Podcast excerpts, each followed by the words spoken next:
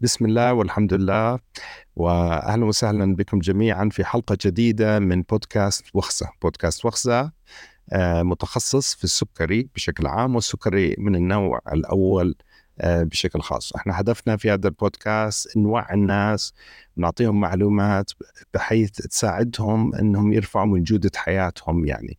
خصوصا موضوع السكري بتعرف الموضوع فيه شائعات كثير وطرق علاجه ومتى تأخذ انسولين وإيش الوصفات البديلة وهي الأشياء مرات يعني آه، بتخلي حياة الناس أسوأ بدل ما تكون أحسن. فإحنا كل شيء بنحكيه في هذا البودكاست هو آه، مبني على الدليل العلمي. يعني إحنا هذا الفريق تبعنا بيراجع الأدلة العلمية والأبحاث آه، خصوصا الجديدة منها ونبقيكم على اطلاع على كل ما هو جديد. آه، ضيفتي كما هو معتاد داني عدوان أخصائية تغذية علاجية ومتخصصة في السكري وهي أيضا كما يعني أنتم آه، سمعتم في حلقات سابقة دانيا مشخصة بالسكري من النوع الأول وبتعاني من اللي أنتم بتعانوا فيه فيعني تجاربها دائما بتكون ذات صلة وبتساعدكم تفهموا الموضوع بشكل أفضل. أهلا دانيا كيف حالك؟ يا أهلا أحمد. الحمد لله. كيفك أنت؟ الحمد لله رب العالمين. دانيا حل أنا أحكي. بس بدي أحكي لك معلومة. يعني زي هذا الأسبوع من عشر سنين تشخصت. يعني أنا كملت عشر سنين مع السكري. ما شاء الله. الله يعطيك طولة العمر وبصحة يا رب وعافية. آمين جميعا. آه، داني حكينا إحنا بالحلقة الماضية يعني على عجالة إنه في أنواع للأنسولين اللي بناخده إنه في نوع سريع وفي نوع بطيء. وحكينا إنه إحنا مزبوط. بدنا في هذه الحلقة نفصل أكثر في هذا الموضوع. فأنا راح أعطيك المايك وبلشي مباشرة أحكي لنا ما هي أنواع الأنسولين اللي بيأخذها الشخص المشخص بالسكر من النوع الأول. تمام. بس قبل ما نفوت بالأنواع للتذكير إحنا الهدف من هاي الحلقة آه، مع إنه يمكن قد تبدو إنه هي علمية بزيادة ولكن برأيي وبمنظوري كشخص عاش مع السكري وكشخص بثقف سكريين غيره الفكرة من إنك تعرف نوع الأنسولين اللي بتاخده بتوفر عليك عناء كتير بإنك أنت تفهم السكري. فأنت ضروري ضروري جدا تكون عارف نوع الأنسولين اللي هلأ بإيدك واللي أنت بتتعالج فيه لأنه إذا أنت ما حاولت تعرف هاي المعلومات وتطبقها ما حتوصل لإدارة جيدة للسكري زي ما أنت بدك. فبالتالي الموضوع هذا أو قلة المعرفة بالأنسولين رح يأثر على جودة حياتك ورح يأثر على صحتك. فلهيك إحنا عم نعمل حلقة زي هاي. فاليوم إحنا بدنا نحكي عن كل أنواع الأنسولين اللي موجودة بالسوق عشان أنت تفهم كل نوع فيهم ورح نحكي بالنهاية عن شو أفضل نوع ممكن يكون لكل شخص فينا. فعشان هيك إحنا بدنا نحكي بهاي المعلومات. زي ما حكينا بالحلقة السابقة البنكرياس الله يرضى عليه لما يكون شغال بيكون لحاله عم بيشتغل الشغل اللي إحنا بدنا نعمله لما نتشخص بسكري النوع الأول. بيكون عم بيفرز أنسولين بشكل مستمر خلال اليوم ولكن بنسب بسيطة وثابتة هذا لما يكون الشخص صايم نايم ما في أكل يعني بجسمه. بهاي الفترات بيكون في عنا نسب بسيطة وثابتة من الأنسولين. طول ال 24 ساعة تغطي له احتياجات جسمه خلينا نحكي للنمو للحركة لكل إشي تاني بيلزمه الأنسولين بيدخل بوظيفته. بينما الطريقة الثانية اللي بيفرز فيها البنكرياس الأنسولين هي لما ناكل. وهاي يمكن اللي إحنا أصلا متعارف عليها أكتر. يعني كل الناس بتعرف إنه لما لما الواحد ياكل خاصة إذا أكل نوع أكل بيحتوي كربوهيدرات جسمه بيفرز أنسولين أو الأنسولين بدل ما يكون بنسب ثابتة فجأة بيرتفع عشان يغطي نسبة الجلوكوز اللي بدها تدخل على الدم من الوجبة. فهذا عمل البنكرياس. فأنا كشخص بدي أخذ أنسولين من برا ك يعني بدي أحقن نفسي بالأنسولين. يفترض إني أكون عم باخذ نوع أنسولين يغطي لي الاحتياجين احتياجي لما آكل واحتياجي لما آه، أنا أكون نايم أو ما عم باكل اللي هي خلال اليوم ما بين الوجبات وخلال فترة النوم. فلهيك إحنا في عنا نوعين أنسولين بشكل أساسي. عنا نوع أنسولين بنسميه سريع المفعول أو قصير المفعول. يعني سريع وقصير بيخدموا نفس الهدف اللي هو إنه إيه، نغطي نسبة الجلوكوز اللي بتدخل على الدم لما ناكل. وفي عنا نوع أنسولين اسمه طويل المفعول. يعني الأنسولين كأنواع بيختلف عن بعضه بتركيزه بسرعة امتصاصه بالجسم. وآخر شغلة ممكن قديش أنا جسمي حساس للأنسولين. هذا اللي بيخلي شخص عن شخص تفرق كم ج... يعني كم وحدة أنسولين هو بياخد باليوم. فبيعتمد على النوع اللي أنت بتاخده بيعتمد على آه، سرعة امتصاصه بجسمك وقد جسمك حساس للأنسولين. فالنوع الثاني هو النوع طويل المفعول. فأي شخص عنده سكري نوع أول يفترض يكون بياخد من هدول النوعين. هلأ إذا بدنا نحكي عن سريع المفعول لنفهمه أكتر لأنه كمان الأنسولين بيختلف عن بعض بمتى بيبدأ يشتغل بجسمنا. ومتى بيوصل لأعلى تركيز إله بالدم فبالتالي مفعوله بيكون أقوى إشي أو قوته بالدم بتكون أقوى إشي ومتى بيطلع من جسمنا أو كم ساعة بياخده حتى هو يخلص شغله بجسمنا. تمام؟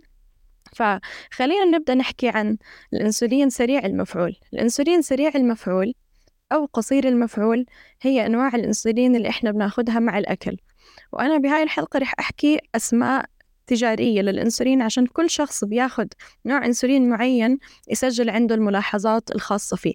فإذا أنت بتاخد أنسولين سريع المفعول قد تكون أنت بتاخد أبيدرا أو نوفورابيد أو هومالوج هدول مسمياتهم بحسب شو الشركة اللي بتصنعه. بس هم كلهم إنسولين سريع المفعول. فكلهم بتنطبق عليهم المعلومات اللي بدنا نحكيها هلأ.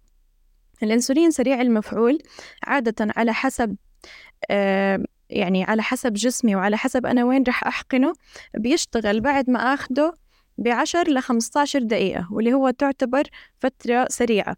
في أنواع أنسولين أجدد طلعت لسه أسرع من هيك بسموها بالإنجليزي ألترا رابيد تشتغل خلال خمس دقايق.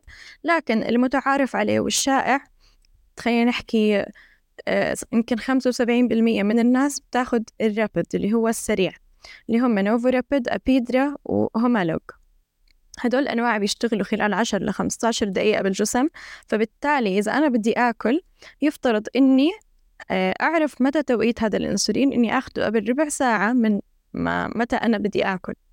تمام؟ بيوصل أعلى مفعول له بالدم خلال ساعة لساعتين ذروته. لما نحكي ذروة يعني متى بيوصل لأعلى تركيز له بالدم؟ خلال ساعة لساعتين وبيطلع من الجسم كليا خلال ثلاث لخمس ساعات. ليش عم نحكي ساعة لساعتين وثلاثة لخمسة لأنه زي ما حكينا كل جسم بيفرق عن جسم وكمان جسمك أنت نفسه ممكن بالنهار بيفرق عن الليل كيف استجابته للإنسولين؟ على حسب نسب هرمونات تانية موجودة بالدم على حسب مستوى نشاطك البدني. يعني كمثال الطفل وهو بالمدرسة إذا هو عنده سكري هو بالمدرسة ممكن لأنه بتحرك كتير احتياجاته خلال اليوم اللي هي الفترة اللي هو فيها بالمدرسة تكون أقل من احتياجاته بالليل. فممكن هو لو بده يأكل نفس الوجبة على الفطور وعلى العشاء ورح ياخد لها نفس نوع الأنسولين ممكن على الفطور يحتاج ياخد كمية أنسولين أقل من العشاء. فعشان هيك آه، بنحكي عن إحنا دايما رينج إنه مثلا هو بيطلع من الجسم بعد ثلاث لخمس ساعات. لأنه هذا يعني هذا الإشي ما بنقدر نحدده بدقة كاملة. الشخص بصير بعد فترة يعرف هاي المعلومات عن حاله إنه أنا الأنسولين سريع المفعول كم بيقعد بجسمي؟ كم بغطي لي كم ساعة؟ لكن هذا الأنسولين بيتاخد بشكل أساسي لهدفين. الهدف الأول اللي كنا عم نحكي عنه مع الأكل فيفترض أنا أكون عندي طريقة أحسب فيها كمية الكربوهيدرات بأكلي وأكون عارف من الطبيب أو مقدم الرعاية الصحية اللي متابع حالتي كم بلزمني أنسولين لهاي الكمية من الكربوهيدرات. طبعا هذا الإشي بيجي مع التجربة بنصير نعرف بدقة أكبر كم بلزمنا أنسولين. وهاي تسمى آه، اللي هي حساب الكربوهيدرات وإنه نطلع للشخص معامل الكربوهيدرات اللي هي كم وحدة الأنسولين الواحدة من سريع المفعول كم بتغطي له جرام كربوهيدرات.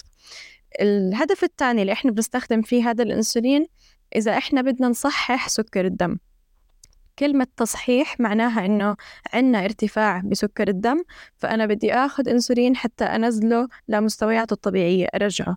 فعشان هيك برضه بنعرف بنحاول نطلع نسبة تانية اللي هي معامل حساسية الأنسولين لهذا الشخص. يعني وحدة الأنسولين الواحدة كم ملي جرام لكل ديسيلتر سكر بتنزل؟ يعني كم درجة سكر؟ يعني إذا كان مثلا 200 وبده يوصل ل 100 كم وحدة أنسولين لازم ياخد هذا لما يجي ياخد أنسولين عشان يصحح من المنطق إنه لازم ياخد نوع أنسولين سريع المفعول عشان هو بده ينزله بسرعة فأكيد ما رح ناخد كتصحيح أنسولين طويل المفعول. فهذا بالنسبة للرابد أو السريع. في نوع أقدم منه كان زمان منتشر أكتر لكنه هلأ مش كتير منتشر بس في ناس لسه بتاخده اللي هو قصير المفعول. قصير المفعول بيشتغل خلال نص ساعة مش خلال ربع ساعة. تمام؟ اسمه التجاري المشهور عنا أكت رابد أو أكت رابد أكت رابد أتوقع. آه ذروته بتوصل للدم خلال ساعتين ثلاثة وبضل بالدم برضه فترة أطول. بضل ست لثمان ساعات بالدم بعدين بيطلع. ف آه، مرات مثلا في ناس بيلاحظوا إنه إذا طفلهم بياخذ هذا النوع بيحتاج إنه يكون عنده بوقت ذروة الإنسولين سناك معين حتى ما يصير عنده هبوط بسكر الدم. فبشكل عام إحنا كل ما توجهنا لأنواع الإنسولين الأجدد ممكن نلاحظ إنه الحياة بتصير أسهل إذا إحنا بنعرف نتعامل معهم طبعا. يعني بشكل عام كل أنواع الإنسولين الموجودة واللي رح نحكي عنها اليوم كلها وارد استخدامها وكلها يعني إذا أنا استخدمتها بالطريقة الصحيحة أنا بوصل لإدارة جيد جدا لسكر الدم عندي. ما بيفرق إيش النوع اللي أنا بستخدمه بس بيفرق إني أنا أفهم النوع اللي أنا بستخدمه وأعرف إذا هو مناسب لطبيعة حياتي أو لا. وكمان شوي رح نحكي تفاصيل أكثر عن هذا الموضوع. أنا حاسة إني فقدتك أحمد. لا ما فقدتني معك. بس هو يعني الله يعين الناس يعني آه الموضوع بسرعة بتعقد. يعني آه، انت كنت تحكي عن الانواع وقديش بده وقت ياخذ مفعول وقديش بيستمر في الدم وكم وحدة منهم نحتاج عشان ننزل قديش كربوهيدرات. طبعا في عنا إحنا بدنا نقيس حسب الكربوهيدرات في الوجبة وبعدين لو ما زبطت معنا الحسبة بدنا نشوف المعامل التصحيح برضه قديش بدنا ننزل. بالضبط. آه برضه هذا معامله التصحيح على نفس آه الكربوهيدرات نفس القياس نوعا ما صح؟ تقريبا يعني. يعني إحنا بس نحسب معامل تصحيح إحنا بنحسب وحدة الأنسولين كم بتنزل سكر الدم.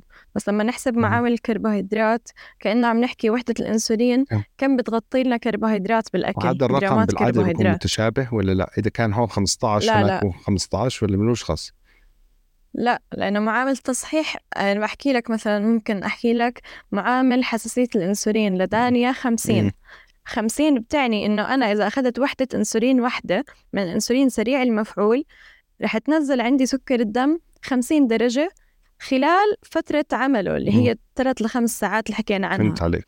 فأنا إذا أخذت تصحيح مثلا مفروض كمان هاي شغلة مهمة يعني أنا أصبر عليه كم ساعة. مش في ناس مثلا بعد ساعة ما نزل السكر بيروح بيرجع بياخذ تصحيح. مم. فبتلاقي شوي اللي هو صار معاه هبوط. أيوة. فانتقل من ارتفاع لهبوط. فآه عشان هيك إحنا بدنا نفهم كمان كم ساعة بيشتغل الأنسولين ولازم إحنا نكون مصحصحين أي ساعة أنا أخذته يعني موضوع موضوع الأنسولين مش بس إني أنا آخذ الجرعة الصح زي ما حكينا بالحلقة الماضية إني آخذه كمان بالوقت م. الصح. يعني موضوع التوقيت بالأنسولين شوي حساس. فإحنا كتير ناس يعني بتجاهلوا هاي الفكرة أو ما بيكونوا عارفين مدى أهميتها. فبتلاقيهم لما تيجي تتابعهم على كم يوم كجرعات إنسولين ككمية يمكن هو بياخذ الكمية اللي بتناسبه لكن كتوقيت هي هاي اللي عم تعمل له مشاكل. فهمت عليك طيب بنسمع باللغة العامية في نوع إنسولين عكر. شو العكر هذا؟ من اسمه عاطل هيك مخلوط هيك تحسه جايبه من عند العطار. بالضبط. هلأ هو سمعته عاطلة بس خلينا نحكي عن طويل المفعول عشان نقدر نفهم العكر. ضايل طويل المفعول من الانواع طويل المفعول هو نوع إنسولين بغطي احتياجات جسمنا على مدى ال 24 ساعة.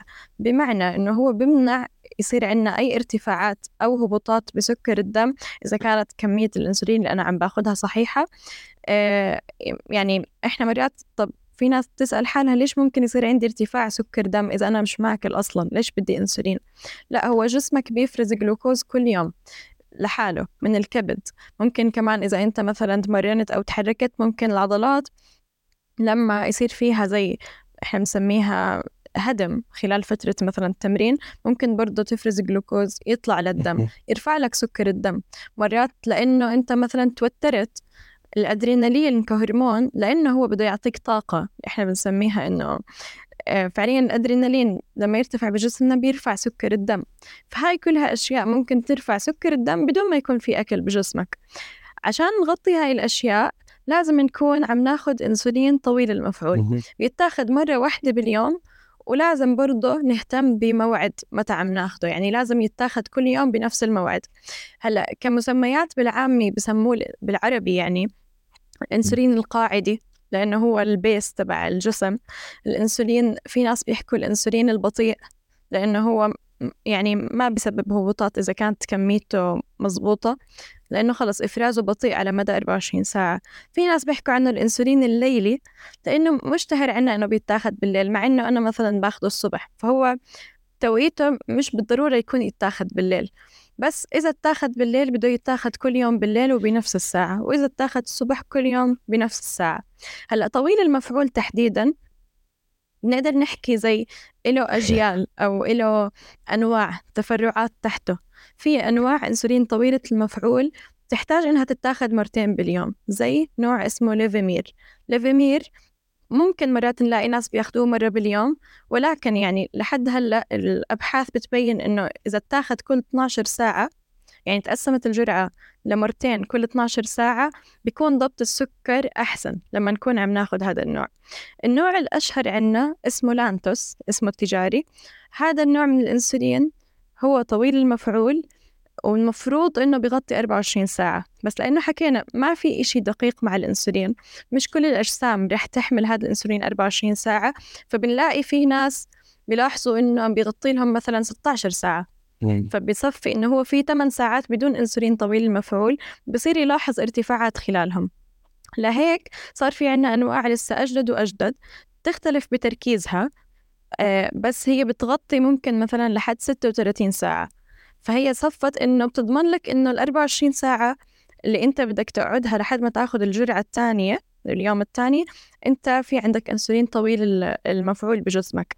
لا يعني إنه اللانتوس سيء برضه. هي كلها تجارب شخصية. يعني في ناس ممكن اللانتوس يناسبهم ويكون عم بياخدوا يومي بنفس الموعد ويلاقي أموره تمام عليه. في ناس بيلاقوا أمورهم مش تمام عليه. ساعتها بدهم يدوروا أو يسألوا الطبيب عن الأجيال الأجدد شوي اللي هي مشهورة باسمين عندنا Tresiba إنسولين وهو يعني هذا اسم التجاري تبعه وفي عندنا ال Toujeo. ال Toujeo هو نفس تركيبة ال Lantus لكن بتركيز مختلف. فتركيزه المختلف هذا اللي هو أعلى بخليه وجزيئاته طبعا يعني أنا مش صيدلانية لكن هو في اختلاف بتركيبته من ناحية الجزيئات والتركيز بتخلي آه، ال stability تبعته أو استقراره بالجسم أعلى من ال Lantus. فهو يعني زي ال update الجديد تبع ال Lantus اسمه Toujeo.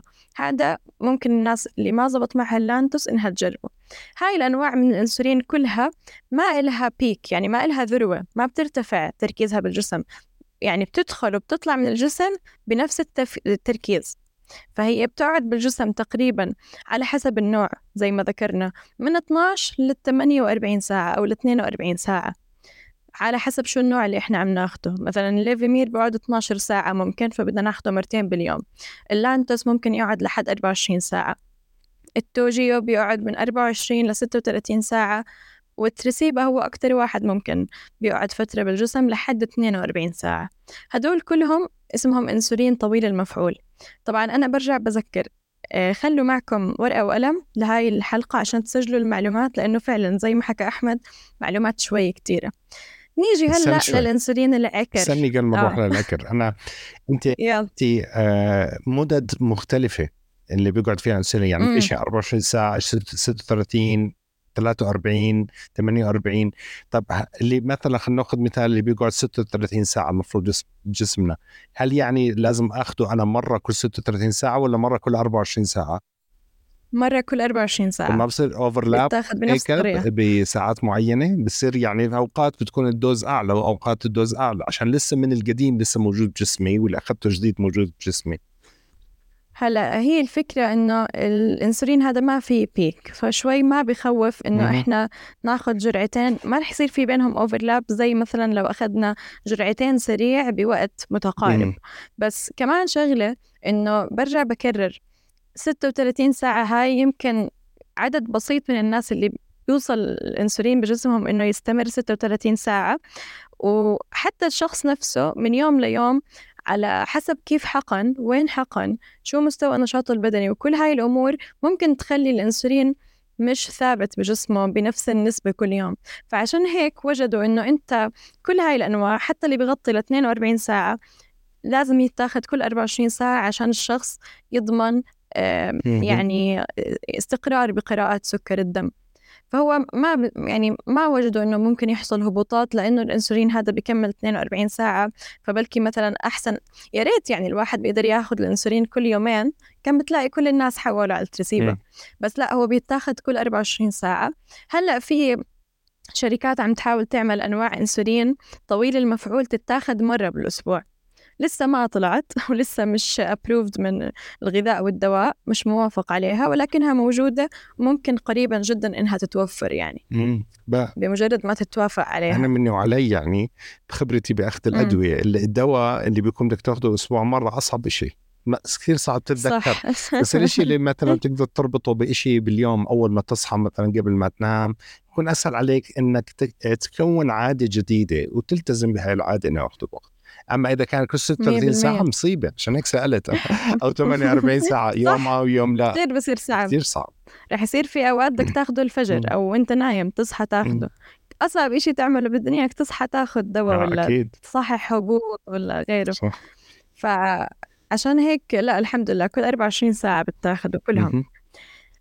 نيجي هلأ للنوع العكر. الإنسولين المخلوط. الأنسولين المخلوط مسمياته التجارية NovoMix و Mixtard هدول المنتشرين بالدول العربية خلينا نحكي. إيش إيش يعني أنسولين مخلوط؟ من اسمه هو فيه كذا نوع أنسولين.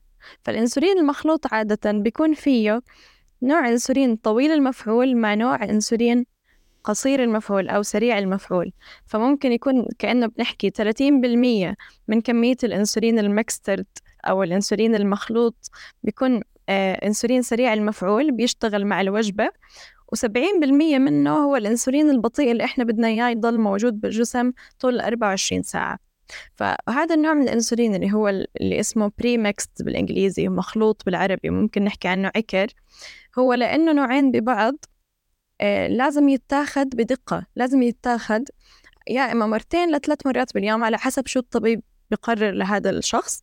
ولكن الفكرة فيه يعني ضروري جدا الالتزام بشروط معينة وأنا عم باخده. زي إيش؟ زي إنه إذا أنا باخد جرعة الفطور على الساعة سبعة الصبح اليوم بكرة لازم أخدها على الساعة سبعة الصبح. إذا أنا باخد جرعة الغداء لازم يكون حتى ما بين كل جرعة وجرعة محسوب الوقت تقريبا ست لثمان ساعات. وهذا الأنسولين بتطلب منا التزام بالوجبات من من ناحية كمية من ناحية يمكن حتى نوعية نضطر نلتزم. ومن ناحية إنه ممنوع خلينا نحكي ممنوع أنا ألغي جرعة عشاني مش ما بدي آكل. فبصفي الشخص إذا أخذ الجرعة وما أكل ممكن يتعرض لهبوط وإذا لغى الجرعة رح يتعرض لارتفاع لأنه هو لغى جزء من الأنسولين البطيء اللي بده يغطي احتياجات جسمه. فهو نوعا ما الأقل مرونة فيهم كأنواع أنسولين. في ناس تحكي لك إنه أنا بدي نوع واحد أنسولين ما بدي آخذ نوعين أنسولين. أنت أصلا عم تاخذ نوعين بالمخلوط بس هم مخلوطين ببعض فأنت عشان هذا الخلط أنت يمكن تقلل عدد الإبر باليوم كم مرة رح تحقن حالك بس رح تلزم حالك بأشياء تانية كتير.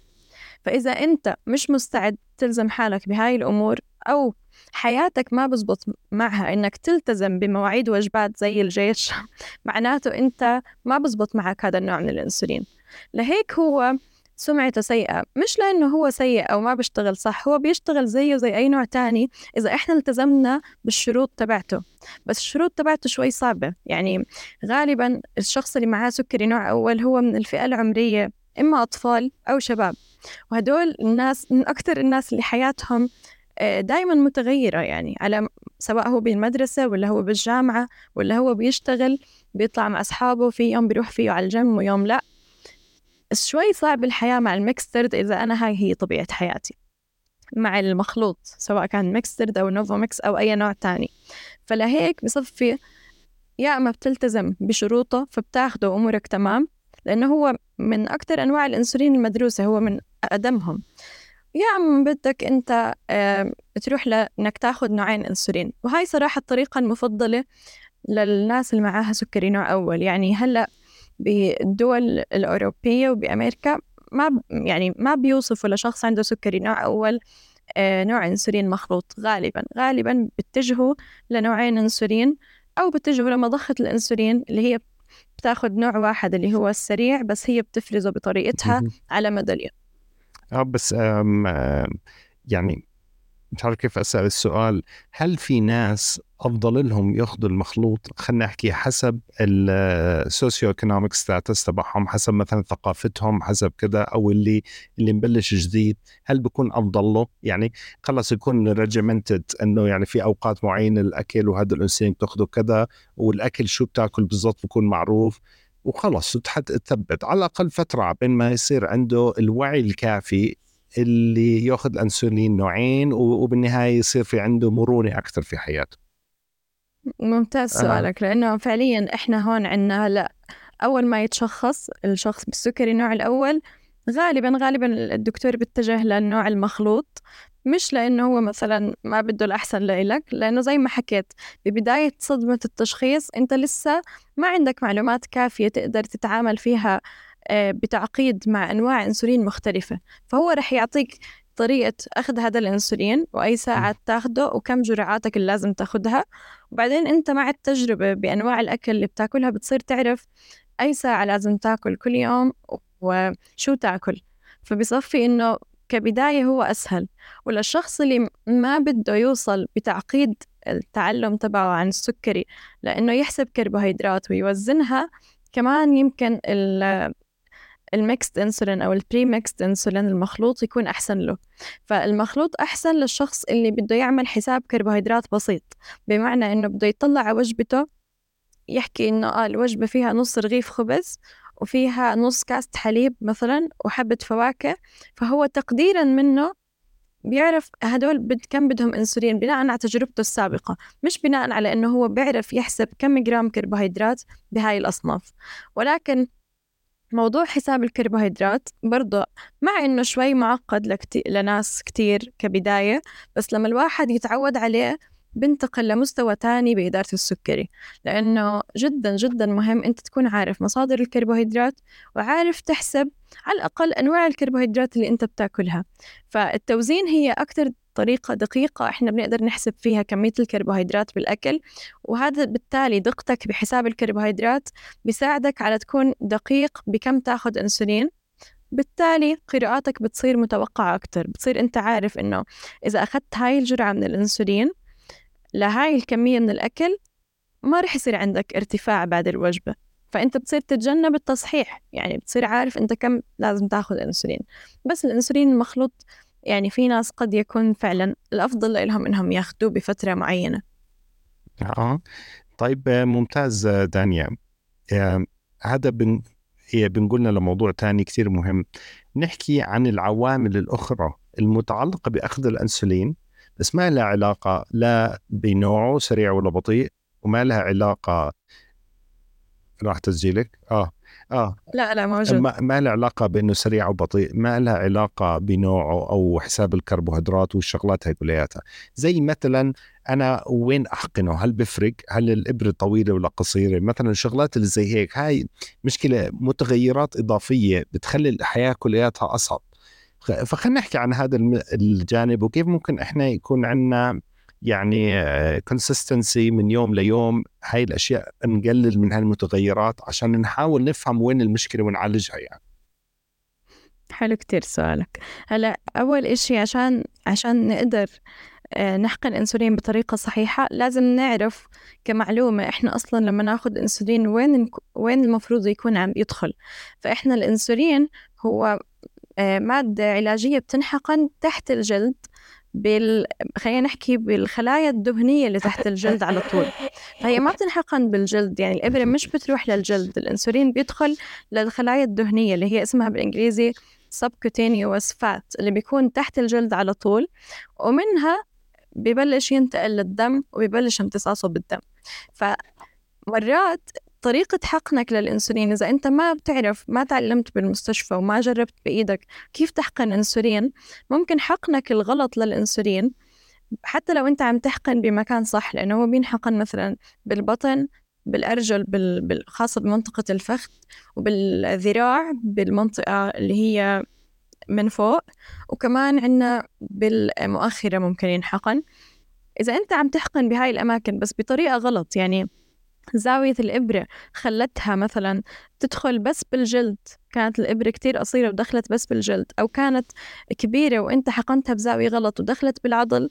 هذا بيأثر على امتصاص الأنسولين وبيخرب كل إشي أنت متوقعه عن عن جرعتك الأنسولين اللي أخذتها هلأ. لأنه كمثال إذا حقناه وإجا تحت الجلد بتكون هيك زي فقاعة جواتها أنسولين بالجلد فهاي هاي بتعني إنه الإنسولين ما دخل ما دخل بالمكان الصح اللي لازم يدخل فيه. بالتالي بصير امتصاصه غير متوقع. بيدخل هو بالآخر بس ممكن بدل ما يدخل بعد ربع ساعة يبلش يدخل بعد نص ساعة. فبصفي أنت أكلت وصار عندك ارتفاع. بعدين لما يخلص جسمك هضم الأكل هو بيكون دخل كامل فبصير عندك هبوط. فمرات طريقة حقنك للإنسولين إذا ما كانت صحيحة أنت عم تعرض حالك لأنك تحقنه بمكان غلط. مع إنه الإبرة كتير صغيرة وال يعني طريقة الحقن مبسطة خاصة إذا أنت بتستخدم أقلام الأنسولين. هي مش معقدة ولا صعبة هي بس بدها تعويض إنه أنا كيف أمسك قلم الأنسولين وكيف أحقنه بزاوية 90 على طول. زمان كانت الإبر كبيرة وكان يتطلب من الشخص إنه يمسك الجلد تبع جسمه عشان يتأكد إنه هو عم بيحقن بمكان صحيح. لكن هلأ ما في داعي يعني هلأ اكتشفوا إنه أغلب الناس حتى اللي عندهم زيادة وزن اللي هو كان زمان يفكروا إنه لازمهم إبر أكبر عشان الجلد بيكون أدخن بس أغلب أغلب الناس سواء كانوا أطفال أو بالغين بيحتاجوا الإبرة اللي هي صغيرة من أربعة لستة ملي متر طولها. فهي كتير كتير صغيرة يعني حتى الواحد إذا حقنها صح ما بحس فيها يعني هي مش إبرة تعتبر. ما بحس فيها ابدا لأنها بس بتوصل لتحت الجلد للدهون فما بت... مش مؤلمة. إذا صارت الإبرة مؤلمة اعرف إنك حقنتها بمثلا شعيرات دموية أو بالعضل. لما تنحقن بالعضل برضه امتصاصها بيكون كتير سريع لأنه العضلة آه يعني امتصاصها للإنسولين هي جدا حساسة حساسة أكثر من الدهون. فامتصاصها للأنسولين أسرع وبالتالي بيدخل على جسمك بدل مثلا ربع ساعة بيدخل بعد خمس دقايق وبيطلع من جسمك خلال مثلا ساعتين ثلاثة فبرضه بيعمل لك لخبطة بقراءات السكر.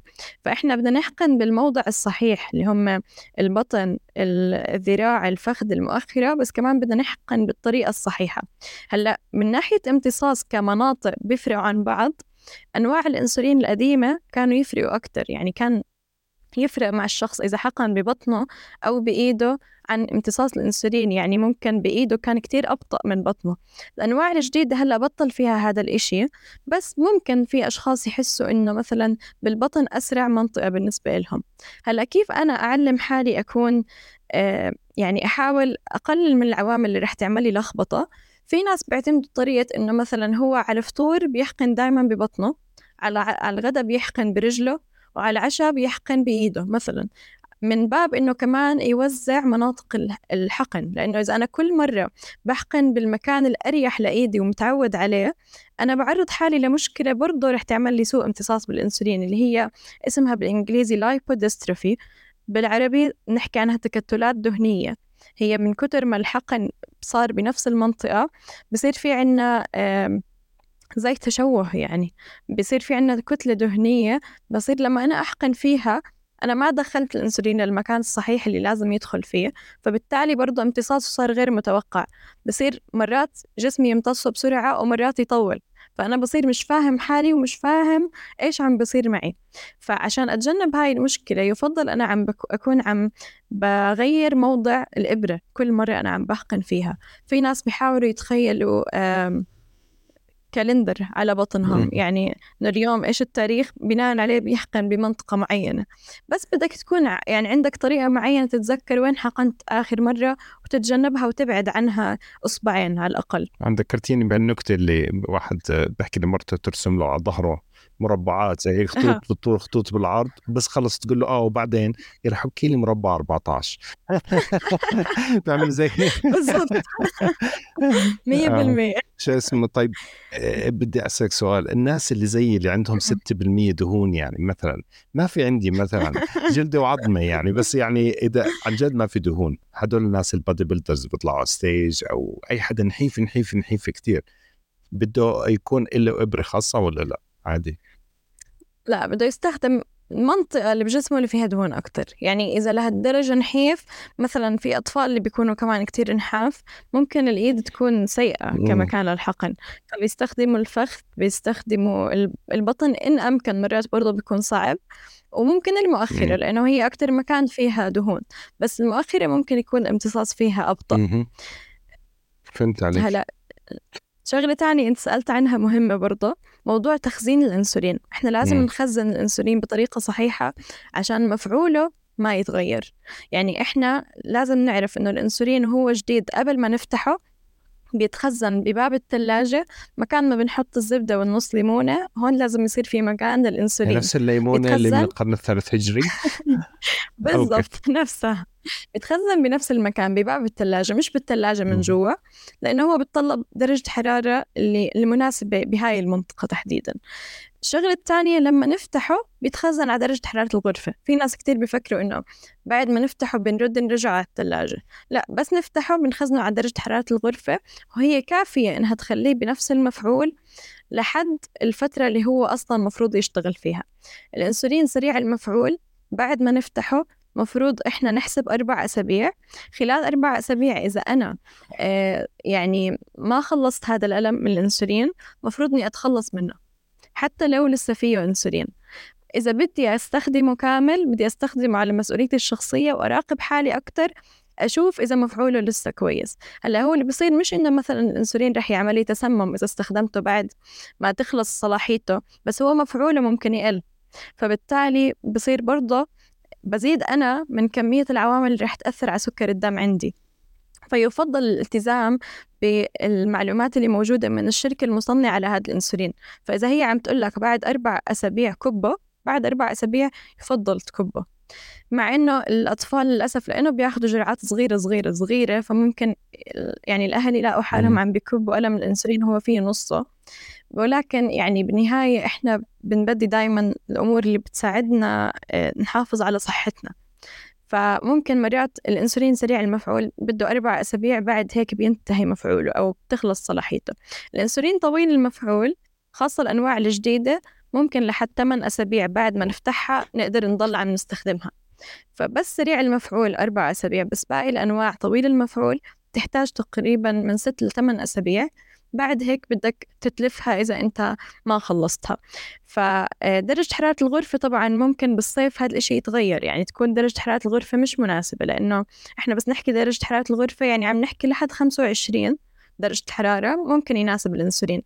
أعلى من هيك إذا أنا مثلا آه، عايش بمكان جدا حار بالصيف ساعتها بدي أشوف حافظات الأنسولين أو ممكن بدي أرجعه على الثلاجة يعني أرجعه على الثلاجة أسلم من إني أخليه بدرجة حرارة عالية لأنها هاي رح تساعد إنه على برضه خرابة أو انتهاء مفعوله بوقت أقصر من اللازم. تلاقي الأم عشان اللي زاد من السنة عشان ما ينكب حرام تروح تلحوسهم هيك يا ساتر. تعرف الأمهات عندهم كفر انك لازم تكمل صحنك أي شيء ينكب. لازم تجبر كل شيء. آه. إحنا عندنا بالبيت لا لا بالإنسولين. الصحن الأكل بزيد من الأولاد ويكون منظره لا ورجيكي ويكون ملوخيه مع لبن مع قصص كلهم مخلط مع بعضه وبزيد منهم. بتروح بتحطه زوجتي بالثلاجة لعنا يخرب بعدين بتكبه. زي ماما برضه عشان ما بصير تحية لهم. بس. هلا ضل شغلة أخيرة. بدي أحكيها عن الإبر. عن الإبرة حكينا اختيار طولها المناسب للشخص حسب مثلا كمية الدهون بجسمه. ممكن في ناس تحس إنه الأنسب لهم الإبر الأطول شوي مثلا اللي طولها 8 ملم بس بمجرد ما حس الشخص إنه الإبرة مؤلمة غالبا هي معناته طويلة زيادة عن اللزوم. فأول شيء يختار العمق أو الطول الصح للإبرة. تاني إشي لازم يعرف كيف يركب الإبرة صح على الألم. ولما يركبها يعرف إنه هي هاي إبرة disposable يعني هي المفروض تتغير بمجرد ما إحنا خلصنا حقن. في ناس بيستخدموها كذا مرة تجاوزا بس المهم إنه أنا لازم مع كل استخدام بعد ما أركب الإبرة أعمل لها إشي اسمه برايم يعني أحقن بالهواء. إنه أنا آه، أعين مثلا وحدتين أنسولين على الألم وأضربهم بالهواء تمام؟ هذا بيساعد إنه أنا لما أجي أحقن جرعة الأنسولين أحقن الجرعة الحقيقية. ما أحقن هواء أو أحقن زيادة أو أقل. فهذا بيساعد على تقليل الأخطاء اللي ممكن تصير وأنا عم بحقن أنسولين. وهاي الحركة عن جد بتفرق. في ناس يعني بيستسخفوها بس هي عن جد بتفرق معك لما تصير تعملها. صح أنت عم بتضيع جرعات أنسولين بالهواء والأنسولين غالي للأسف يعني إدارة السكري كلها بتتطلب منك مصروف. بس برضه يعني أنت هيك انت لا يعني لما يصير معك ارتفاعات رح تاخذ تصحيح فهم هدول اللي انت ضربتهم بالهواء رح تاخذهم بجسمك يعني. فلا انت حاول انك تتبع هاي الأشياء عشان انت تريح حالك من فكرة إنه انت أخذت جرعة غلط. تعلم وين تاخذ الإبرة تعلم كيف تركبها كيف تحقن بالهواء هذا كله بيساعدك. ويعني أتوقع كمان إنه يعني الناس اللي بياخذوا بسرنجة لسه برضه بدهم يحقنوا بالهواء بنفس الطريقة مش بس الناس اللي مركبين الألم. وبده يمكن التكنيك تبعه شوي أصعب يعني الحقن بإبرة كبيرة بضله آه، دقيق أكتر. فهذا اللي بيخلي مرات كمان إنه إحنا نبعد عن الإبر نتجه لأقلام الأنسولين لأنها هي كتير أسهل من إنه إحنا نحقن حالنا بإبرة كبيرة شوي. بدي أنت ذكرتك بشوي موضوع الحافظات. فهميني أكثر الحافظات بس هي مجرد عزل إنه ولا هي نفسها بتبرد الحافظة؟ هاي كيف بتشتغل هاي زي الحافظة اللي بنحط فيها آه، في بعض أدوية هاي العادية أو المشروبات لما م. نطلع على رحلة شيء زي هيك يعني؟ الحافظات أنواع كتير. في منها زي اللي أنت حكيتها اللي بنحط مثلا إذا طالعين بالطيارة ممكن نحط الدواء بحافظات آه، بتبرد فيها جل. هاي نوع من الحافظات وفي فعليا ناس بيشتروا كاسات بتعزل الحرارة وبيخصصوها للإنسولين بحطوا فيها مثلا تلج وبيحطوا معاها الإنسولين إذا هم طالعين رحلة على مكان مثلا والدنيا كتير شوب. وفي حافظات إنسولين هلأ اللي هم يمكن أجدد إشي إنه أنت آه، بيكون معك زي شنطة وهاي الشنطة جواتها شنطة تانية فيها آه، كريستالات صغيرة ويابسة. هاي الشنطة إذا أنت حطيتها جوا المي عشر دقايق الكريستالات بتمتص المي وفيها جل بيتفاعل وبينفخ. هذا الجل قادر على إنه يحفظ الأنسولين بدرجة حرارة مناسبة له حتى أنسب من الثلاجة للأنسولين المفتوح فبصفي أنت ممكن يعني من خلال هاي الحافظة هي بتضلها بعد ما أنت تحطها بالمي عشر دقايق لربع ساعة بتضلها معك يومين ثلاثة بالصيف بالراحة وبالشتاء ممكن ضل معك أسبوع كامل يعني أنا من أسبوع لهلأ حاطة الأنسولين بنفس الحافظة من غير ما أغير إني أحطها بمي مرة تانية وأمورهم ماشية تمام كيف عرفتي إن أمورها ماشية تمام؟ هي بترجع بتنشف آه. على الآخر بتيبس أنت بتشوفها هي الحافظة مش الأنسولين أوكي. ف فهاي الحافظة كتير بتسهل الحياة لأنه في ناس كتير مثلا مشكلتهم مع الأنسولين إنه ما بده ياخد أنسولين كتير عشان هو ما بيعرف وين يحفظه لما يطلع من البيت فهاي بتساعدك إنه هي عبارة عن شنطة صغيرة البنت ممكن تحطها بشنطتها وهي طالعة. يعني ما بتاخذ هالمساحة منك بس إنه بضل معك الأنسولين محفوظ بطريقة صحيحة. أنت ما بتكون خايف إنه يخرب. غالية هاي كثير؟ هي مش غالية بس مش متوفرة. مم. يعني مش غالية كتير بالنسبة ل يعني المهمة اللي بتنفذ لك إياها وإنها قديش بتحافظ على الأنسولين سعرها تقريبا بتراوح ما بين 20 ل 30 دولار. آه موجودة على يعني على مواقع بتقدر تشتريها أونلاين بس بالدول عنا هون ما بعرف عنا بالأردن مش متوفرة يعني بس بالدول الثانية المجاورة ما بعرف إذا متوفرة بس ممكن إنها تكون متوفرة. يلا فرصة استثمارية للي بحب. بالضبط. 100% أتوقع يعني الله يكون بعونهم أهلنا وإخواننا بغزة في ظل انقطاع الكهرباء هذا من أفضل حل يعني يمكن لحفظ الانسولين هاي الحافظات. يعني لو حدا بيقدر من الناس اللي بتقدم مساعدات وسمعنا آه، يقدم هذا النوع من المساعدات آه، لأهلنا في غزة. مزبوط آه. إحنا يعني كنا عم نحاول بهذا الموضوع أنا وأستاذ هشام لما يعني أستاذ هشام إذا سمعتوا حلقتنا عن السكري بغزة رح تعرفوا إنه هو عايش هناك. حاليا آه، هم لساتهم في ظل الحرب عم بيواجهوا كتير صعوبات الناس اللي معاهم سكري هناك. لكن إذا في حدا عنده القدرة إنه يساعد بإدخال أنسولين أو حافظات أنسولين أو غيره على غزة يا ريت إنه يتواصل معنا وإحنا رح نخليه يتواصل مع أستاذ هشام هو حدا موثوق جدا ورح يقدر يوصل للناس اللي معاها سكري هناك. كمان هو آه، هو مش بس أب لطفلة معها سكري هو مقدم رعاية صحية اشتغل بكتير مستشفيات وعلى تواصل مع جمعيات السكري هناك. فهو بيعرف ناس معاهم سكري فعلا بحاجة أنسولين بحاجة أكيد طرق يحفظوا فيها الأنسولين. ممتاز جزاه الله خير وإياك إن شاء الله ويكون في ميزان حسناتكم.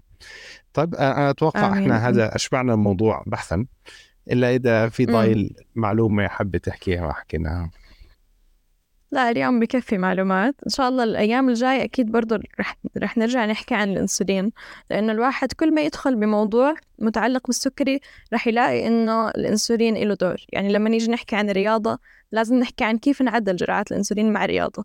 لما نحكي عن الأكل والكربوهيدرات لازم نحكي عن كيف ناخذ أنسولين على حسب نوع الوجبة. فهو الأنسولين موضوع فعلا جدا جدا ممتد. مع كل الحلقات رح تلاقونا عم نحكي عن الأنسولين.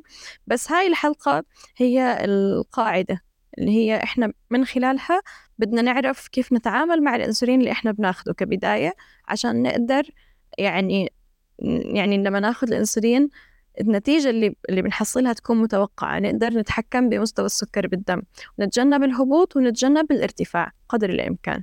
إن شاء الله. شكرا كثير دانيا وبحب دائما أذكركم مستمعينا اللي بيحضرنا على اليوتيوب يعمل subscribe يعمل like واللي بيسمعنا على منصات مختلفة زي مثلا Apple آه، بودكاست أو Google Podcast أو Spotify إنه يعمل لنا review إذا عجبكم طبعا five star وأكيد راح يعجبكم. أو تحط تعليق لأي شيء أنت بتحب آه، إنه نحكي فيه إن شاء الله. شكرا كثير لوقتكم وشكرا دانيا ويعطيكم ألف عافية. السلام عليكم. شكرا أحمد.